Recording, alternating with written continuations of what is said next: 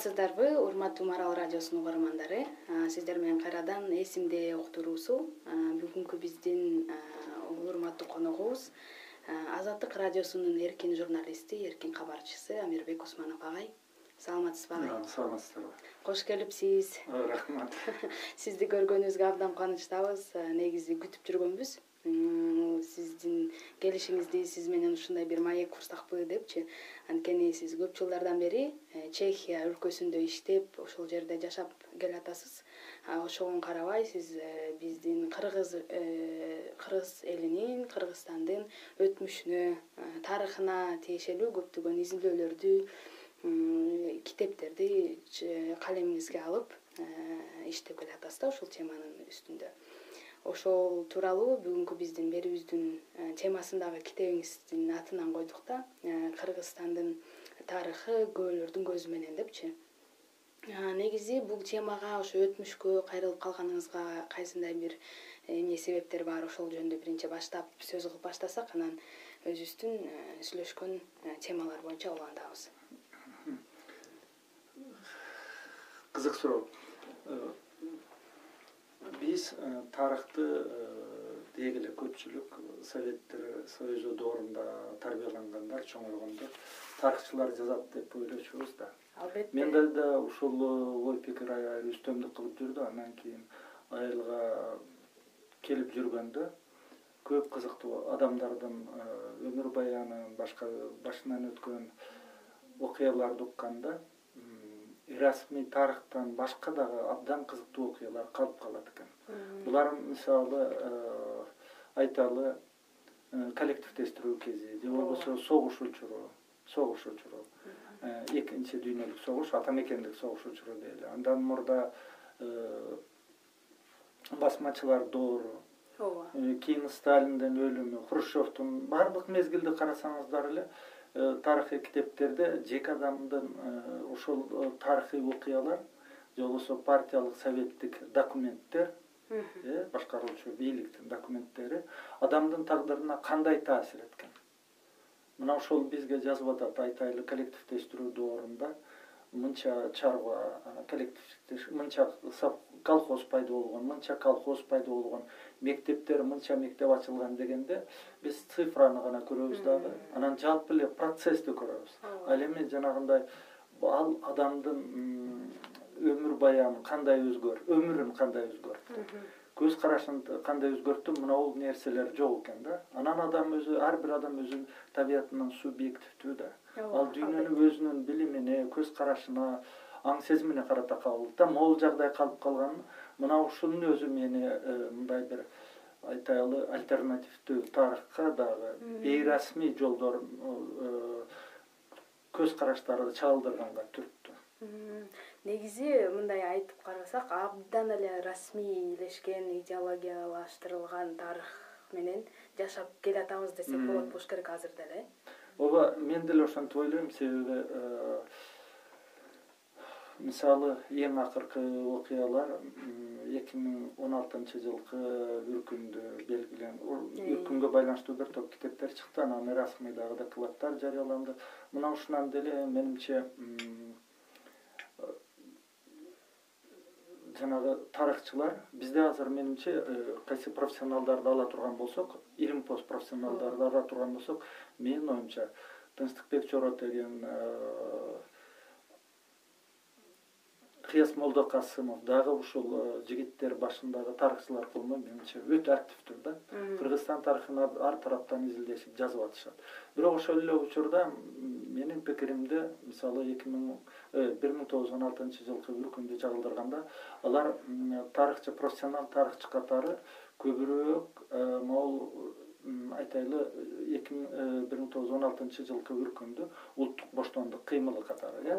Мына ушул концепциясын алардан бүтүн эмесин э, маалыматтарды аны улуттук боштондук кыймылы катары көрсөтүү үчүн ошол концепцияны негиздөө үчүн бүтүн бар аракетин жумшагандай да андан кийин бийлик деле ошондой да. Бул албетте бул чоң трагедия. Бул трагедия бир эмес. Э, кыргызстандагы канча ошол кезде айтайлы ысык айрыкча катуу жабыркагандарды э ооба. Канча эл жашаса ошонун ар биринин тагдырына ар башкача таасирин таасир калтырган из калтырган да и кыргыздардын гана эмес орустардын да. Орустар эгерде э, айтайлы зөөкүрлүк кылып же болбосо ашыкча неме э, кандай десем кан төгүүлөргө барса аябагандай кыргыздарда деле ошол нерселер болгон да. Мына ушул жерде эң э, бир мындай сезимтал маселе э талаштуу маселе турат. Менимче тарыхчылар кандай десем бейтарап бейтарап ушул жерде бир аз э, көбү эсе мына канча кыргыздар жабыркаган могул жагына мен э, үч төрт китеп окудум он алтынчы жылга байланыштуу чыккан. Ушулорду гана алган дагы анан концептуально келип туруп ушуну улуттук боштондук кыймылы дейт андан кийин менде суроо туулат да ушуну окуп атыпчы. Туура улуттук боштондук кыймылы болушун канча адамдар жабыркады экинчи э, маселе жана ушул жерде могул айталы э, окуялардын түздөн түз катышуучулары. Айтайлы кусейин карасаевдин эскерүүлөрү. Мукай элебаевдин узак жолу. Анда э, ал токомбаев кандуу жылдарында деле ошону. Э, дагы ажар повестинде. Мына ушул нерселер деги чагылдырылган окуялар. Жеке кайрадан жана мен кайтып атпаймынбы жеке адамдын тагдыры кайра эле сыртта калып калгандай да. Андан кийин алар концептуально туура э, бул улуттук боштондук кыймылы болсун э. Анда эмне үчүн үч төрт жерде э, мен азыр жаңылаармын бир нече хандык көтөрүлүп атат. Анан алар уюмдашып куралы жок болуп атат э. Куралды албетте кээ бир жерлерде жүрөк тартып алды сатып алды деген. Моундай нерседен алганда э, моногул болот шамшиевдин жакында эле кайсы кезге чыкты мен окудум ошондой он алтынчы жылы улуттук боштондук кыймылы болгон эмес мен ал жөнүндө изилдегенмин жок деген нерсесинде ой пайда болот да. Эгерде демек э, бул болот шамшиевди жөнөкөй адам деп айтууга болбойт өтө жанагы караш караш окуясы башка ошону терең изилдеген адам катары бул бул жерден айтып аткан жок. Анан мен бул э, жанагы экинчи жактан ошондогу улуттук боштондук кыймылдын жетекчилери эгерде стратегиялык жактан тактикалык жактан туура эсептегенде эмне үчүн э, ооба падышалык бийлик адамдарды согушка аскерге албайт деген. Бирок алар корккалып атпайбы. Корккалы ооба барып иштеп келсе эмне болот эле? Ушуну жете түшүнгөн эмес биздин э, жетекчилер э, аксакалдар дейли ушундай урул башчылары ал эми мынабул эгерде карасаңыз чаек жакта э жумгалда. Мынабул тарыхчы зайнедин курмановдун чоң аталары бир болуштуктун элин кытайга качырбай эле өмүрүн сактап калган. А монабул нерсени аларды мындай э, чыккынчы катары же болбосо орус бийликтери менен кызматташкан катары карап атат да. Бул жерде мен э, ушундай көз караштардан алып туруп мындай бир модельди түзгөнгө аракет кылышат деп ойлойм да биздин тарыхчылар. А эгерде э, караганда ошончо элди аман алып сактап калгандын өзү бул баатырдык деп эсептейм акылмандык көрө билгендик эгерде ооба куралың жок болсо ач жалаңач элди эме салып жиберип башкалар өрттөтүп токтотуп мына ушунун алдын ала албай калган маселе жагы өтө өкүнүчтүү дагы ушул жагына деле балким эме бурса э, бул э, ошол кездеги окуянын трагедиясын элдин азап тозогун бир кыйла туура чагылдырганга мүмкүндүк бермек. Бул жөнүндө э, кусейин карасаевдин жана ушул он алтынчы жылдагы үркүн жөнүндө эскерүүсүндө абдан сонун айтылып кеткен. Вот биз азыр жеке адамдын тагдыры жөнүндө сөз кылып атпайбызбы агай тарыхый э, ошол эле өзүбүздүн өтмүшүбүздү алганда жалпы эле бизде идеологиялык э, идеологияга сугарылган тарых расмий тарых келгенге чейин кыргыздардын өзүнүн ошол ооз эки тарыхында дагы жеке адамдын тагдыры болгонбу ошол чагылдырылганбы? Мисалы ошол официалдуу биз жазып баштаганга чейин. Официалдуу жазып баштаганга чейин э, мен мындай адис болбогон үчүн андан кийин бул э, муну кылдат азыр мисалы келгенде э, ар бир ойду айтканда ага даярданыш керек да. Ооба. Кызыл кыргыз тарыхы осмоновдикин кызыл кыргыз тарыхын э башканы окуп карасаңыз анда көбүн эсе мындай урул кыргыздардын жалпы тарыхы кетип атат да. Ал эми жеке адамдын жашоо көйгөйлөрү акындардын эмесинен гана мен көрөм да кандай оор болгонун азыр мисалы буга байланыштуу бир аз кээ бирлөрдө карасаңыздар мынабул э, токсонунчу токсон бешинчи жылдардан кийин мен болуштун тукумунан болгон же болбосо болуш болгон тигиндей деп аларды немени ошол болуштук ошол кезде болуштук институтун бийлик структураларын идеалдаштыруу то есть э, өздөрүнүн ата бабалары аркылуу да ар кимибизде эле бар бул. Бирок эгерде мына ну токтогулдун ырларын же болбосо арыстанбек башкалардын карап көрсөңүз ошол ырларда кандай жөнөкөй элдин турмушу өтө катаа болгонун анан мунун э, бир чоң жылыштар э, большевиктик бийлик келгенден кийин мындай теңчилик келди деп аны деле э, ырдап атканы бекеринен болбош керек болбосо керек да. Албетте. Биз совет өкмөтү алып келген позитивдүү жана негативдүү жактарды сөзсүз тең салмактап айтышыбыз керек идеалдаштырбайчы ооба. Ошенткени менен деле э, э, ага чейинки тарыхыбызга караганда бизде э, бизди өзүбүздөчү ошол элдин турмушу жөнүндө кимден алабыз орус саякатчыларынан алабыз. Кыргызстанда жүргөн офицерлерден алабыз. Андан кийин федченконукынан мисалы жол дептерлеринен же болбосо курманжан көрүп жолугушканы келген семенов тяньшанский прижевалскийникинен алып карасак дүйнөлүк цивилизациядан сыртта турган. Албетте дүйнөлүк цивилизациянын агымында алда кетип атабыз. Бирок э, жанагы европадан айтайлы ошол эле россиянын европалык бөлүгүнөн артта калган бир эл болгонубузду тана албайбыз да. Анан бизде мындай тарыхый эмелерибиз бар деп кимди айтабыз мына зиябыдин мансурдун тиги фергана э, хандарынын тарыхы. Ал хандардын тарыхы элдин тарыхы эмес эмес албетте ошол сиздердин китебиңиздерде киришинде мындай сөз бар экен да. Киргизскому народу нужна прежде всего такая история где на первом месте стоит правда дейт да. Ушуга аябай такалып калдым. эми правда дегенде бизде чын э, сиздин оюңуз боюнча тарыхта чындык э, чагылдырыла алабы? эмеде э, пушкинде менимче да луч света чистой правды деген бир сөзү бар да кереметтейчи тарыхтын э, э, жарык чындыгы дегенчи. Пушкинде ошол сөз э, мен биринчи ошол сөздү биз мындай карасак жана мен айтып атпаймынбы биз өткөн тарыхыбызды идеалдаштырбай э болгонун болгондой көрсөтсөк Э, мына э, чарык кирип жүргөн э, чарык кийип жүргөн анан эле байлардын кембагалдарга болгон мамилеси колунда барлардын. Айтып карайлы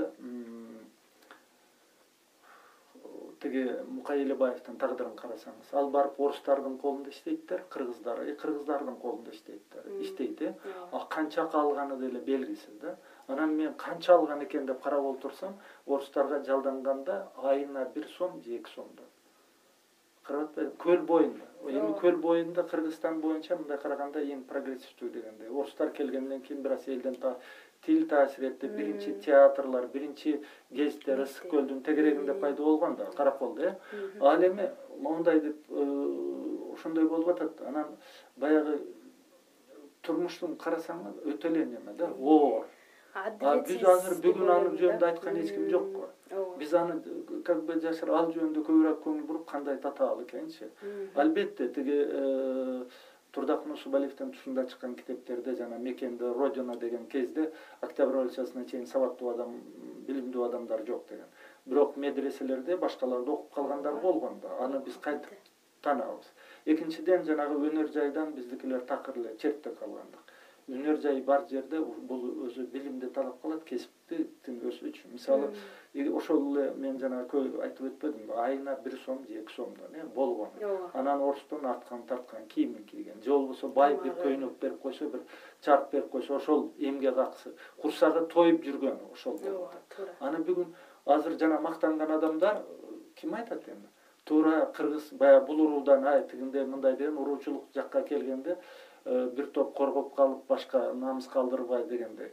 Ал эми э, түшүлүктүүдөгү же кызыл кайдагы шахталарды карасаңыз жумушчулардын бир айлык э, алган акысы где то он жети сомдон болуп атат он беш он жети сомдон. Кыргыз бул жергиликтүүлөрдүкү ал эми европалыктардыкы отуз сомго чейин болуп атат да. Монун өзү эле канчалык биздин турмуш кандай болгонун көргөзөт да.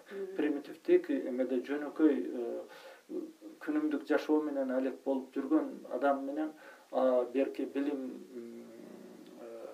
алууга экөө такыр эки башка ошол кезде эле мындай дабл стандарт болгон болгон эмне үчүн болгон эмес эми кандай десем акындар жана э, арзыматтар бекерден чыккан эмес да. Ооба. Себеби э, тиги карап көр мисалы молдолордун ролу жөнүндө деле. Эгерде биздинкилер ошол кездеги э, ал жөнүндө да атайын изилдөөлөр керек го демеки биздин э, өтмүшүбүзгө тиешелүү чындыгында көптөгөн ачылбаган темалар бар. ооба андан кийин э, улут ар бир улут э, мындай өзүн өз алдынча эркиндикке ээ болгондон кийин алар өзүнүн өткөн тарыхын идеалдаштыруу оорусу менен мындай жанагы социализмдин балалык оорусу болуш керек эле ленинде бир бар ошондойду баштан кечирет. Эгерде австро венгрия империясынын курамындагы венгрияны чехияны словактарды карасаңыз аларда деле он сегизинчи жылы өз алдынча мамлекет болгондон кийин э аларда деле ушундай эле нерсени баштан өткөрүшүп кийин кыркынчы жылдардан кийин барып анан баягы ордордуна келген да. Бул этапта биз мындан деле өтөбүз. Өтөбүз деп ойлойсузбу ооба. Бирок биз үчүн ушул кезде как э, мына эсимде долбоорунун эң жакшы жери улуу муун жанагы алар адамдын тагдырында тарых кандай э, тарыхый процесстер жараяндары кандай из калтырды? Мына ошол нерсени учурунда жазып калуу сактап калуу менимче абдан маанилүү. Мына ол ошол эле жанагы радишевденчи москвадан санкт петербургка саякат деген эмне үчүн жага берген эмес. Ал э, жана ширманын артындагы нерсени алып чыгып атпайбы? Ооба жөнөкөй адамдардан реалдуу көргөндөр ооба ошол Э, сиздин э, авторлугуңузда жазылган китеп дагы кокайзыл менен кокайсыл петр кокайсыл менен э ошол кыргызстандын тарыхы күбөлөрдүн көзү менен деп аталат да. Ал китепте негизги басымдуулук ошол кишилердин эс тутумдарына эскерүүлөрү эскерүүлөрү. Туура анан экинчи бир мына бир кызыктуу нерсе чүйөрөндө э илгери мынабул ташкентский тракт болчу мына ленин азыр чүй эми борбордук проспект. Анан ар жагы денсиевден э жата түрк болуп кетти. Аттары бөлөк болуп кетип атпайбы? совет көчөсү деле бир жагы бөлөк бир жагы бөлөк. Ошол ташкент трактынын ары кеткенде мисалы ташкентке кеткен жол э логически абдан туура койгон ошол жерге отурукташа баштаганда отурукташтыра баштаганда кыргыздар жолдун боюна отурбайбыз деп качкан экен да себеби баягы салт деген бар да менталитетчи. Ооба.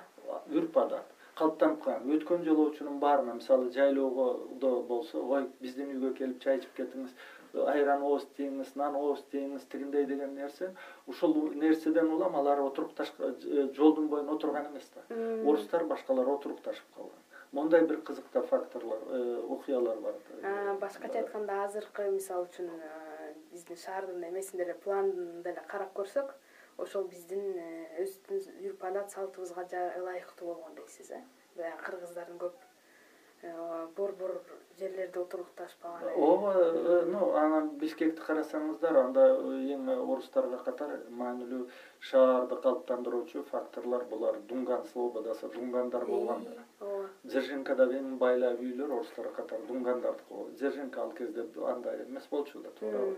Аль бульвардагы тияктагы дунган слободасы алар он сегизинчи он жетинчи жылкы большевиктик революциясынан кийин ак кызыл болуп атышуунун кесепетинен кийин анан сүрүлүп калган го. Алардын орустар ээлеп башкалар ээлеп. Э, тиги беловоз көтөрүлүшүнөн кийин. Моундай нерселер көптүн өзгөртүп жиберди да. Анан кийин мына ошондо э, жанагы жаңы бийликти куруу дагы менимче совет бийлигин куруу дагы анын ичинде бүгүнкү э, төбөлсүз кыргызстандын фундаменти же пайдубалын коюуда бул жерде жалаң эле биз эмес бир топ улуттар анан эмиссарлар айтайлы комиссарлар башкалар да чоң роль ойногон го албетте. Анан э, буну биздин кеп кылып аткан темалардын баардыгы эле ушул эс тутум изилдөөлөрү же болбосо мемори изилдөөлөрүнө тиешелүү да. Анан сиз менен дагы э, программа башталганга чейин бир аз сүйлөшүп калдык. Ошо европа тарапта жашап көрүп жүрөсүз байкап жүрөсүз. Ошол жердеги башталган мемори изилдөөлөрү жөнүндө бир аз кеп кылып анан азыркы биздин орто азия калктарында өзүнчө кыргызстанда болуп жаткан кичинекей ушуган болгон аракеттер жөнүндө бир аз сиздин дагы көз карашыңызды билсек мен эми бул жөнүндө атайлап үйрөнгөн эмесмин. Бирок билем мисалы францияда жана живая книга тирүү китеп дегенди э элден. Андан кийин бул башка өлкөлөрдө дагы бар да чехияда дагы бар. Анан башка уктум мен ал германияда дагы бар жокто дагы силерге окшогон э, бейформал уюмдар ушуну жазып атат да. Мунун бул пайда болушу мына ашып барса менимче жыйырма жыл отуз жыл деле камтыйт окшойт мен билгениме караганда. Балким андан ары жактар. Бул эмнеден пайда болуп атат? Булар жанагы расмий тарых же болбосо илимий изилдөөлөр башкадан коомчулук э, жадаган окшойт да. Даже алар дагы башканы мына бул фильмдерде делечи жаңы эти технологиянын жардамы менен тартылган фильмдерге адамдар жабылып барганда эле ошондой эле нерсе китеп тармагында деле. Мисалы анна франктын э, күндөлүктөрү эмне үчүн кызыктырат себеби ата мекендик согушту согуш майданындагы э? Эки э, карама каршы тараптын эки күчтөрдүн согушун биз баарыбыз билебиз. Ал эми адам тагдыры ошондой оккупацияда э учурунда жеке адамдын кантип өмүр сүргөн. Ошол эле э, санкт петербург дейбиз ленинграддагы туткун эмедеги ачкачылык доорундагы ооба. Мына ушундай кызыгуудан улам анан э, коомдо жеке адам кантип атты ошондочу жалпы эмеден тышкары. Ушунан улам пайда болгон да. Мындай э, чехияда деле ушундай нерселерди изилдеп жазып атышат чыгарып атышат. Бул жактан албетте мында бизде азыр анча муну бул ишти коомдук уюмдар десек болот. Же болбосо мындай э, бейөкмөттүк уюмдар гана аткарып атат го. Башка мамлекет тарабынан андай эмелер жок. Ал окуу китептер гана и болбосо жана он алтынчы жылга байланыштуу китептер мурас фонду тарабынан каржыланып ошондой чыгып атат го. Орто азияда э, деле андай мен башка өлкөлөрдү ну мына борбор азиянын башкаларында билбейм бирок казакстанда жанагы ачарчылык бир миң тогуз жүз э, отуз биринчи отузунчу экинчи жылдардагы ачарчылык боюнча абдан сонун изилдөөлөр чыккан. Андан кийин кулакка тартуу репрессия э, жазыксыз куугунтукталып өлүп кеткендер жөнүндө алар абдан көп изилдөө чыгарып облус облустар боюнча кимдер өлгөндөрүнүн да китеби бар го. Жаңылбасам төрт же беш том бизде азырынча могул иш аткарыла элекн бул демилгелерге эмне түрткү болуш керек? Э, сөзсүз эле мамлекеттен күтүп отуруш керекпи же болбосо бир эрк керекпи буга дагы кызыгуу гана керек деп ойлойм эрк албетте эркси эгерде неме болсо каалоо болбосо аны эч ким жасабайт да. Мына ошо силер эсимде долбоор э? Ким силерди түрттү? Жөн гана ушул өзүңөр түшүнүү аракети.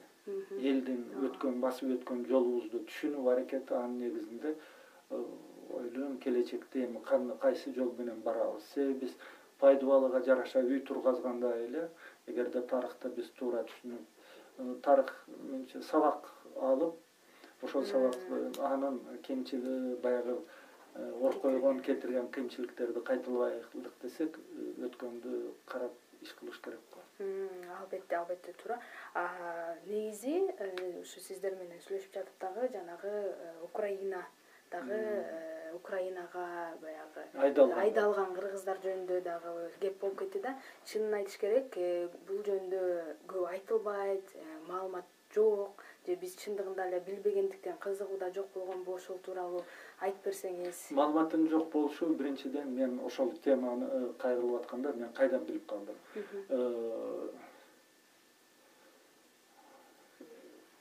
рустемова э, деген публицист барго ошонун китебин окуп отурсам ошондо э, жанагы э, академик тарыхчы жамгырчинов жөнүндө кичинекей кабар бар экен.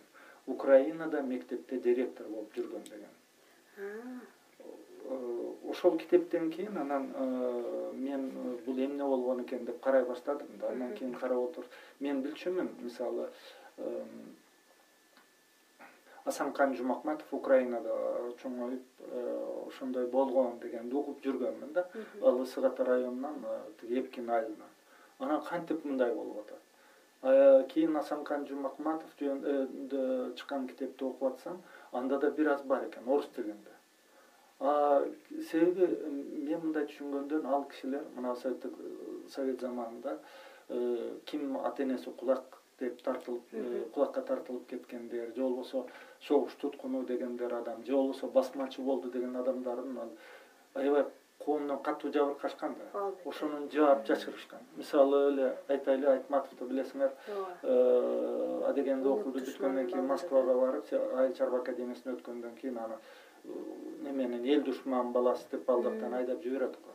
Ооба. Ошол эле э, зайнидин курмановдун аталарын деле тиги немеден э, москвада кабыл албай коюп менимче алма атадан окуган. Юридикалык э, институттучу ооба. Ошол адамдар анан коом мисалы токсон биринчи жылы кыргызстан күн корсуздугу алганга чейин буну аларга кечиргенге же болбосо алардыдын эркин э, кесиптик жактан жагындай ар кандай шельмование же каралоого кабылбаш үчүн мүмкүнчүлүгү эми гана ачылып отурат ошондон кийин гана айтыла баштады да анан ал э, украинага айдалгандар жөнүндө абдан кызык. Бул чүй боорунан андан кийин ысык көлдүн түндүк түштүгүнөн көп кетишкен го айдалып кеткен алардын барганда аларды пахта чарбасы түзүлгөн да херсон облусунда. Пахта өстүрүү херсон облусу. Ал ал кезде херсон облусу эмес ал кезде ал жалпысынан эле э, одесса облусу болгон ошол жерде анан пахта өстүрмөк болуп анан пахтага алуу үчүн Э, аларды дагы мындай эл душманы башка деген эмес переселенцы же көчүрмө болгондор деген статус менен титул менен жашаган. Кыргыздар мал чарбачылыгы менен негизинен анан дыйканчылык менен ошондой болсо өзбектөр тажиктер э, мынабул э, өзбекстан тажикстан эмеден айдалгандар ал кезде даже тажикстан автономный республика болчу түркмөнстандан айдалгандар алар пахта өстүрүү менен алек болгон анан кийин э, таң калыштуусу алар пахта өстүрүп элүү экинчи сталин өлгөнгө чейин пахта өстүрүшкөн дагы э, атүгүл ошол чарбада алдыңкы пахта өстүрүүчү деп социалисттик мигиттин баатырына чейин жеткен. А бирок райондук гезитти карап ошол кездеги райондук гезиттерди карап отурсаңар бир дагы кыргыз же бир дагы өзбек жөнүндө жазылган эмес да мына советтик идеологиянын эмеси туюндусу себеби алар переселенец укуктан ажыратылган адамдар. Бирок ошондой эле дейин десең алардын арасында мыкты иштегендери жылына бир жолу кыргызстанга келип бияктан туугандарын ошондо э, жанагы э, архивдеги материалдарды окуп отуруп. Андан да кызыгы ошол э, сүргүндө жүрүп дейли э? Көчүрмө болуп жүрүп ошол жерде кыргыздар спектакль коюп атпайбы. Бир эмес эки спектакль коюп атышат алар бир төрт ай э, ноябрь айынан февраль айына чейин жаңылбасам бошонуп жумушунан.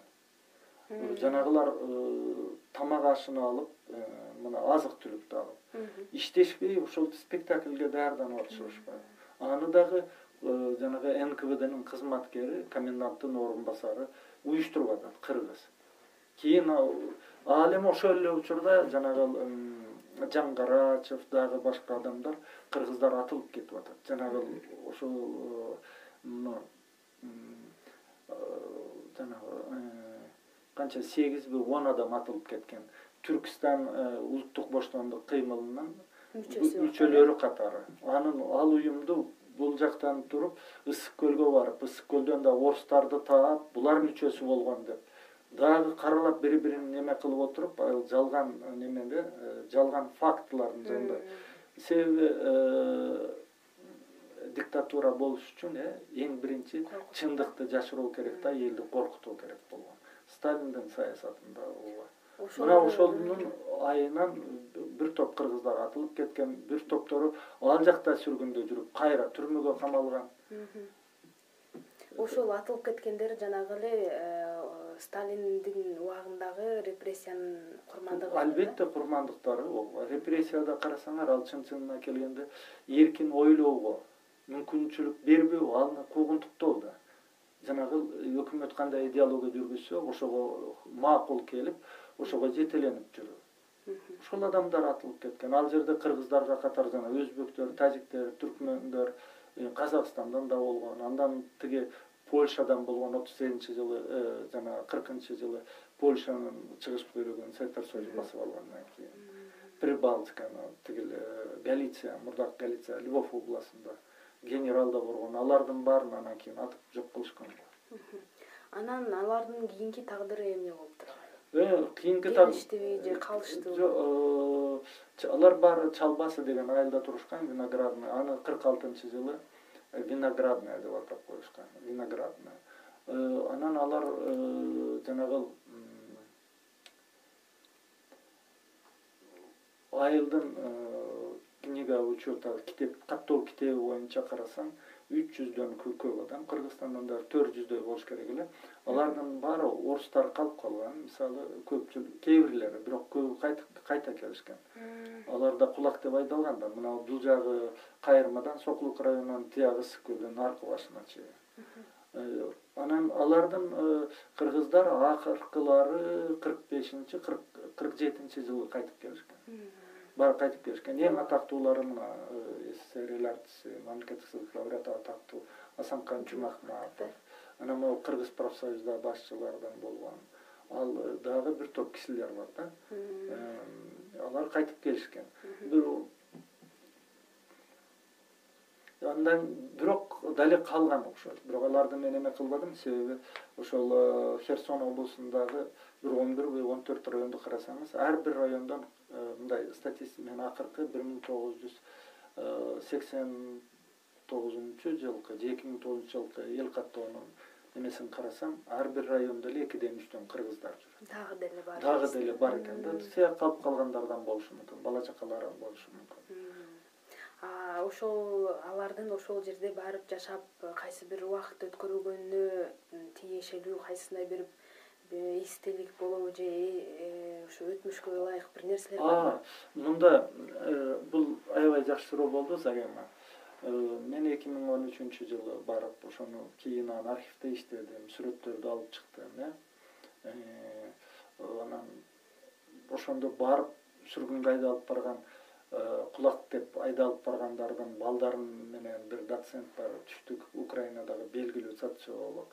Ошону менен кездештим ошондо э, кыргызстандын украинадагы элчиси чыналиев э, улукбек чыналиев болчу. Ошол кишиге айткандан кийин ал киши өз демилгеси менен анан херсон облусунун администрациясы менен деле макулдашып туруп чал басыдагы кыргыздардын көрүстөөнүн ал жерде э, мен мындай ошол жерде аксакалдар менен эме кылып келсем карап туруп мындай дөң дөң болуп өчүп кетип аткан. э, ошо жалпы жер менен тегизделип кетип аткан алтымыштай мүрзө бар эле. Ошонун баарын ал киши тостурду э, ак кайың тиктирди карагай тиктирди андан тышкары башка дагы эки жерге эки жерде чаплинский район болуш керек дагы бир жерде грозь деген жерде грозь грозь. башка болуш керек аты ошондо монумент коюлду.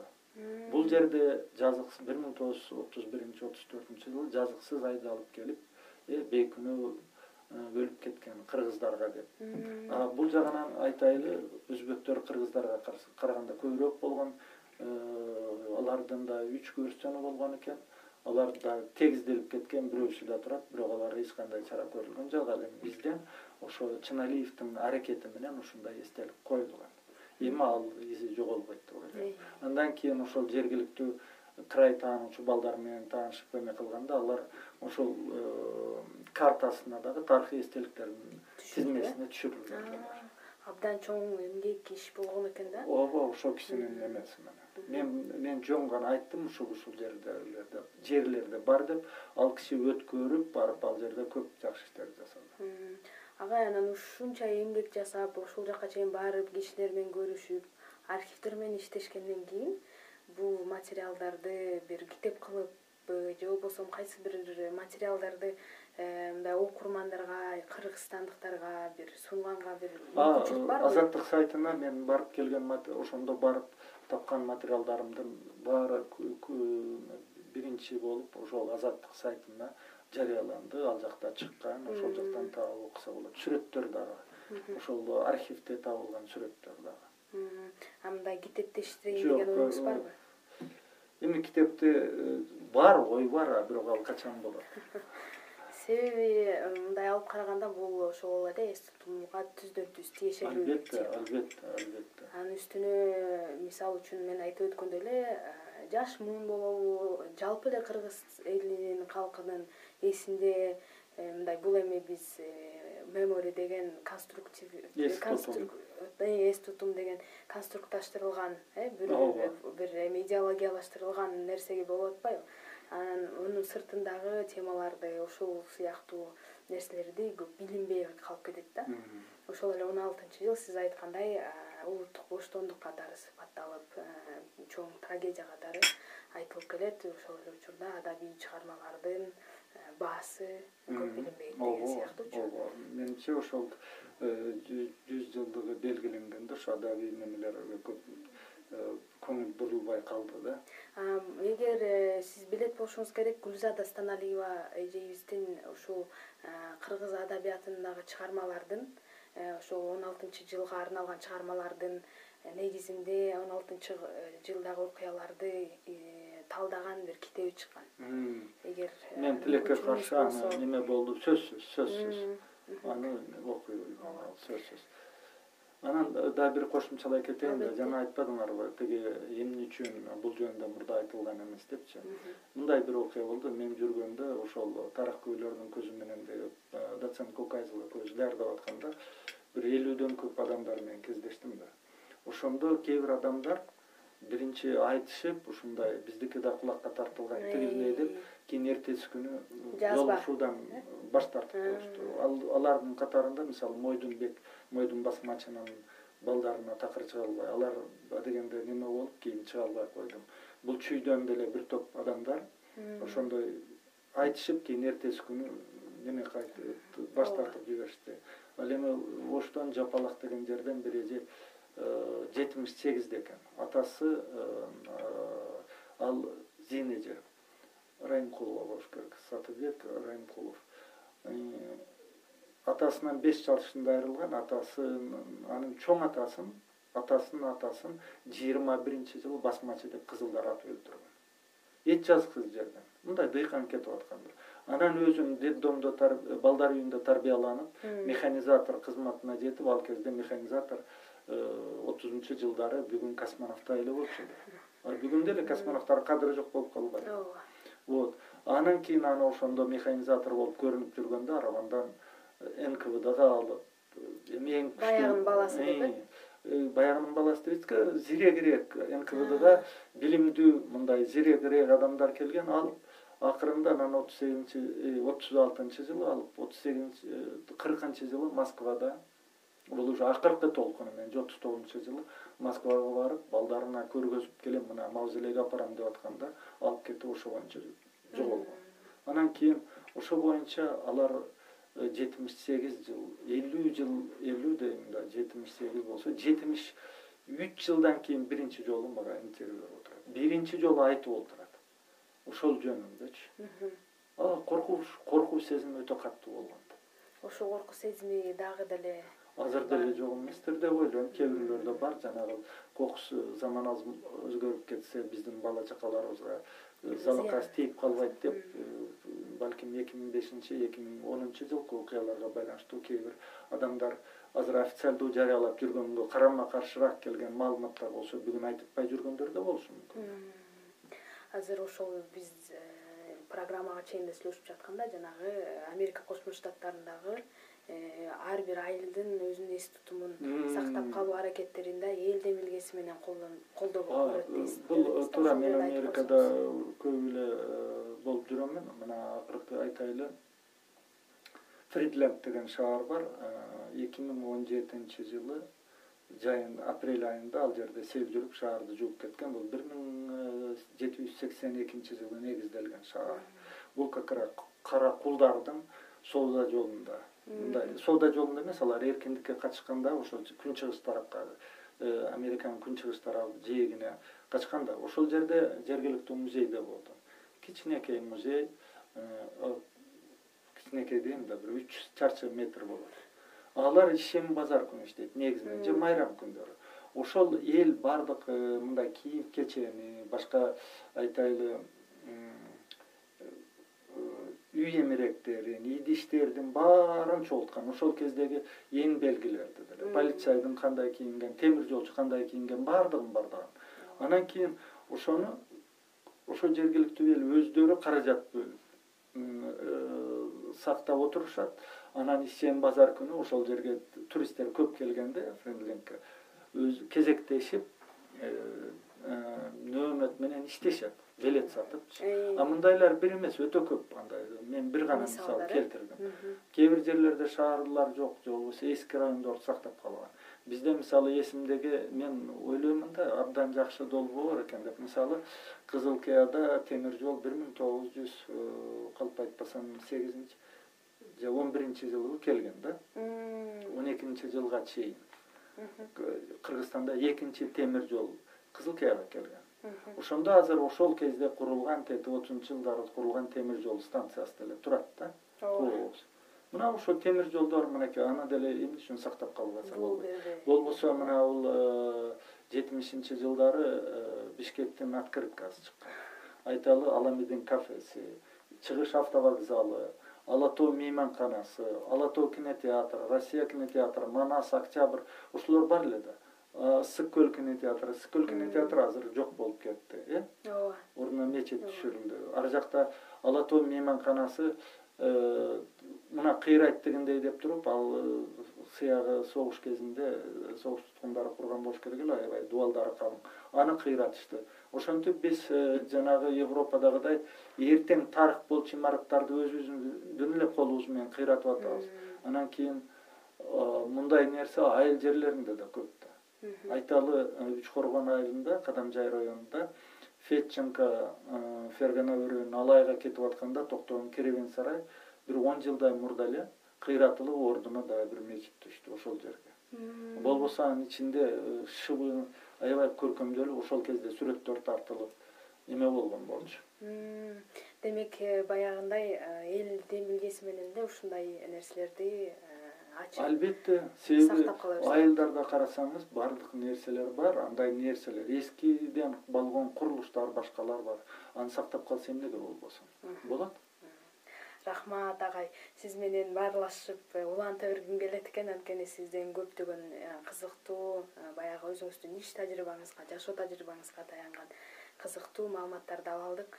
Өзгөчө бул жанагы украина дагы э, барып жашап келген кыргыздар андан сырткары жеке адамга тиешелүү ушул эс тутум биздин өтмүшүбүзгө тиешелүү э, маалыматтарды чогултуп э, мындан ары изилдөөгө тереңирээк киргенге көптөгөн жакшы маектерди кылдык деп эсептейм. Урматтуу угармандар көңүл бурганыңыздарга чоң ыраазычылык сиздер менен келерки көрсөтүштө саламдашканча саламатта болуңуздар. Рахмат